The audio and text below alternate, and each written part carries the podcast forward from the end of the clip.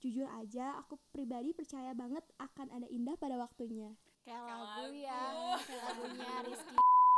Pasti capek tapi jangan ngeluh sih kuncinya. Waduh, waduh, gila, gila sih, gila.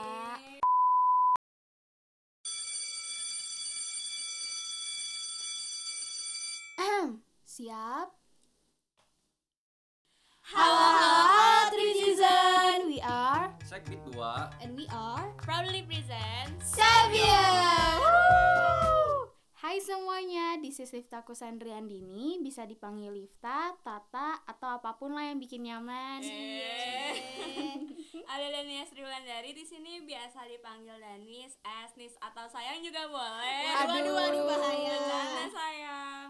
Uh, halo, kenalin aku Nurmila Elfreda, panggil aja Mei. Ingat-ingat suara aku ya.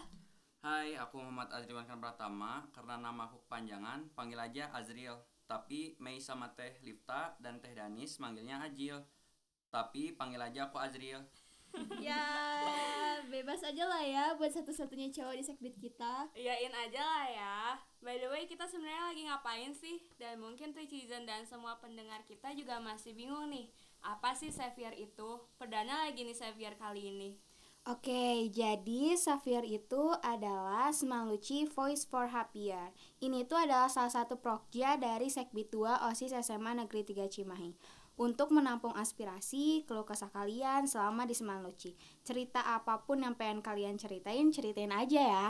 Dan tenang aja, kita juga bakal ngejaga cerita kalian Dan mungkin siapa tahu kita juga bisa ngasih solusi Ya gak sih? Iya, bener banget Jill, karena bisa dibilang permasalahan atau hal yang lagi kita jalanin kurang lebih sama dan mungkin bisa relate sama kalian. Atau bahkan ada cerita yang lucu di Semaluci dari salah satu Tricizen yang mau berbagi ceritanya yang mungkin bisa ngehibur kalian semua. Jujur aku pribadi suka banget ngedengerin cerita dari orang lain yang mungkin bisa kita ambil maknanya. Jadi kalau kalian penasaran sama episode-episode Xavier yang pastinya akan menarik, pantengin terus Trinada ya, jangan sampai ketinggalan. Pokoknya harus di follow semua sosmed OSIS SMA Negeri 3 Cimahi ya Di IG, TikTok, Youtube, ataupun Spotify Semuanya deh pokoknya biar gak ketinggalan update-nya Oh iya, BTW gimana nih kalian belajar selama PTM ini? Beda gak sih sama PJJ? Beda banget lah Teh Um, jujur aku udah mulai capek ya sama drama PTM dan PJJ ini. Mei gimana Mei? Ya gitulah ya teh, capek banget loh, dua tahun di PHP-in mulu.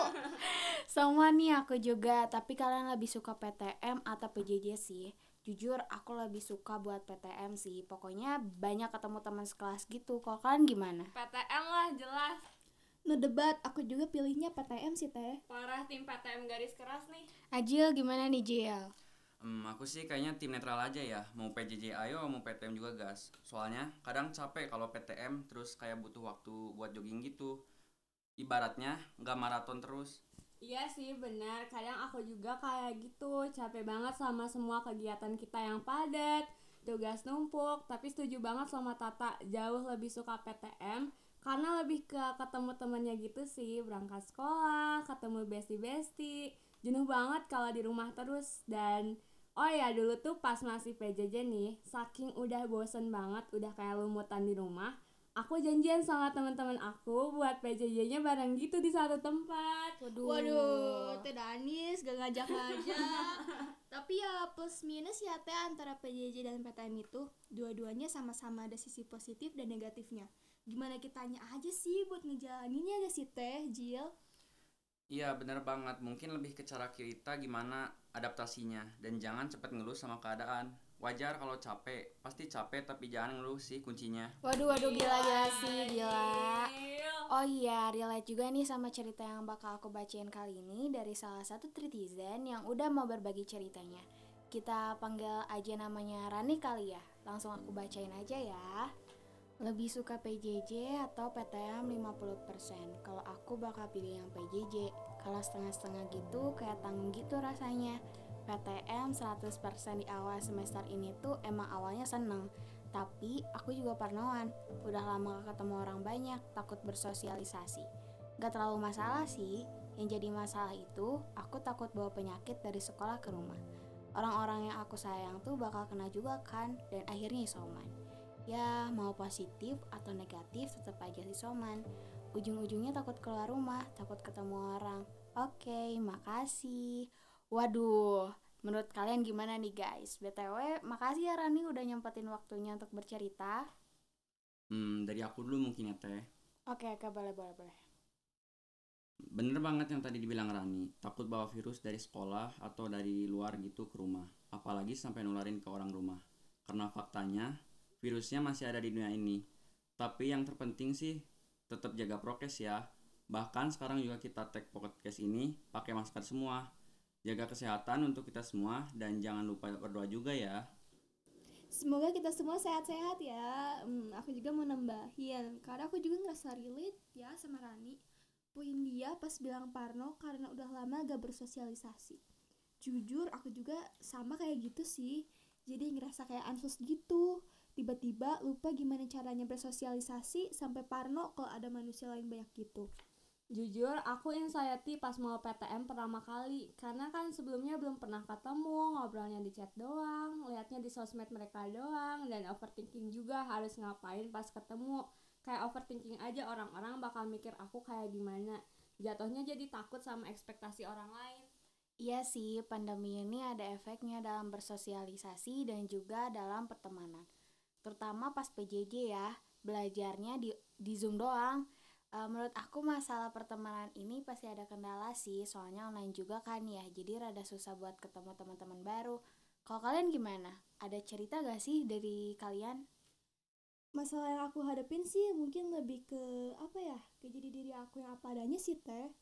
Sama kayak yang dibilang Teh Danis, karena kita terlalu mikirin ekspektasi dari orang lain jadi kita berusaha jadi kayak yang dipikirin orang lain jadi so asik annoying gitu yang malah jatuhnya maksa kan kita sebenarnya gak gitu Oh, jadi kayak nggak jadi diri kamu sendiri ya, Mei? Padahal capek tahu kalau misalnya nggak jadi diri kamu sendiri, pada akhirnya yaitu bikin kamu gak nyaman, ada circle itu, dan lama-lama jadi toxic. Nah, pas banget ada Tri Season ya berbagi ceritanya juga nih tentang permasalahan seputar itu. Yang kedua ada dari um, kita panggil aja Zahra ya. Halo Zahra Hai Zahra Halo, jadi ini adalah keluh kisahku. Sometimes aku ngerasa nggak pernah dianggap ada sama sekumpulan orang. Kayak cuman angin lewat doang. Aku ngerasa kayak kehadiran aku tuh nggak terlalu berguna. Tapi aku salah. Aku punya peran penting di sini. Meskipun aku tahu aku punya peran penting, tapi tetap aja setiap ada perkumpulan, pasti aku ngerasa kayak gitu lagi. Entah ini trauma di masa lalu atau cuman ketakutan aku aja, but I believe aku bisa ngelewatin ini semua. Hahaha, thank you Segbit 2 udah baca keluh kisahku. Semangat selalu ya. Waduh, waduh, waduh, waduh. Deep ya topik kali ini. Menurut kalian gimana nih? hmm, mungkin aku gak bisa terlalu banyak komen ya karena aku juga gak tahu keseluruhan ceritanya kayak gimana cuma aku mau ngasih tahu kamu Zahra ada hal yang mau aku bilang sama kamu mungkin itu cuma ada di pikiran kamu aja di masalah mindset kamu pikiran kamu yang ngebuat kamu kesepian mungkin kamu ngerasa gak nyaman dan lagi overthinking aja Mereka ada, tapi kamu selalu ngerasa sendirian. Intinya, kalau kamu ngerasa sendirian, tapi kamu gak sendirian, itu artinya kamu lagi ke disconnect sama orang di sekitar kamu. Mungkin hal-hal kayak gini jarang ya, atau bahkan gak pernah dibahas di sekolah. Waktu sekolah mungkin kita cuma disuruh buat gabung sama teman-teman tanpa dikasih tahu gimana caranya biar kita terkoneksi sama mereka, sama orang lain, apalagi misalnya kita belum tentu nyaman kan sama mereka. Nah, jadi wajar aja kalau susah atau belum bisa mengatasi kesepian. Tapi mungkin ada beberapa orang yang ada cuman lagi mereka butuh aja kali ya, kayak BTP gitu. Dan mungkin pas orang kayak Zara ini butuh mereka, mereka malah nggak ada juga. Bisa kan? Um, mungkin ada baiknya juga kita untuk jalan di tempat atau jalan kecil dulu lah, ibaratkannya dari peredaran. Mungkin ini waktunya kita untuk istirahat dan memilah juga memilih lagi tentang pertemanan kita. Buat kamu Zahra, kuat-kuat ya, karena kamu orang yang baik banget. Dan mungkin juga banyak Zahra-Zahra lain yang denger ini. Makasih banyak ya. Yuk saling support, saling semangatin. Hmm, oh iya, buat kamu Zahra, semoga bisa cepat berdamai ya sama luka dan trauma di masa lalunya. Semoga ketakutan kamu itu segera pulih. Malah menurut aku, kamu bisa manfaatin momen ini, jadiin mereka alasan karena di saat kita ngerasa sendirian, di saat kita ngerasa gak berguna, akan ada satu orang yang selalu menjadi alasan. Akan ada waktunya kita sendiri, akan ada waktunya kita merenung, dan itu gak apa-apa banget kok. Mungkin kamu lagi ke disconnect sama orang lain, tapi di momen inilah kamu jadi makin connect sama diri kamu sendiri. Kita mungkin dikasih waktu sama Tuhan buat lebih belajar apa aja mungkin cuma bisa dibelajarin sendirian ya sama orang lain. Dan mungkin ini waktunya kita untuk merefleksikan kira-kira apa sih yang bikin kita bahagia dan nyaman. Tapi jangan biarin rasa ini terlalu lama ya. Jujur aja, aku pribadi percaya banget akan ada indah pada waktunya. Kayak lagu ya, kayak lagunya Rizky Febian ya. bener-bener. Bener banget, mungkin kita harus ngelewatin masalah ini dulu. Karena mungkin kesepian itu dari mindset.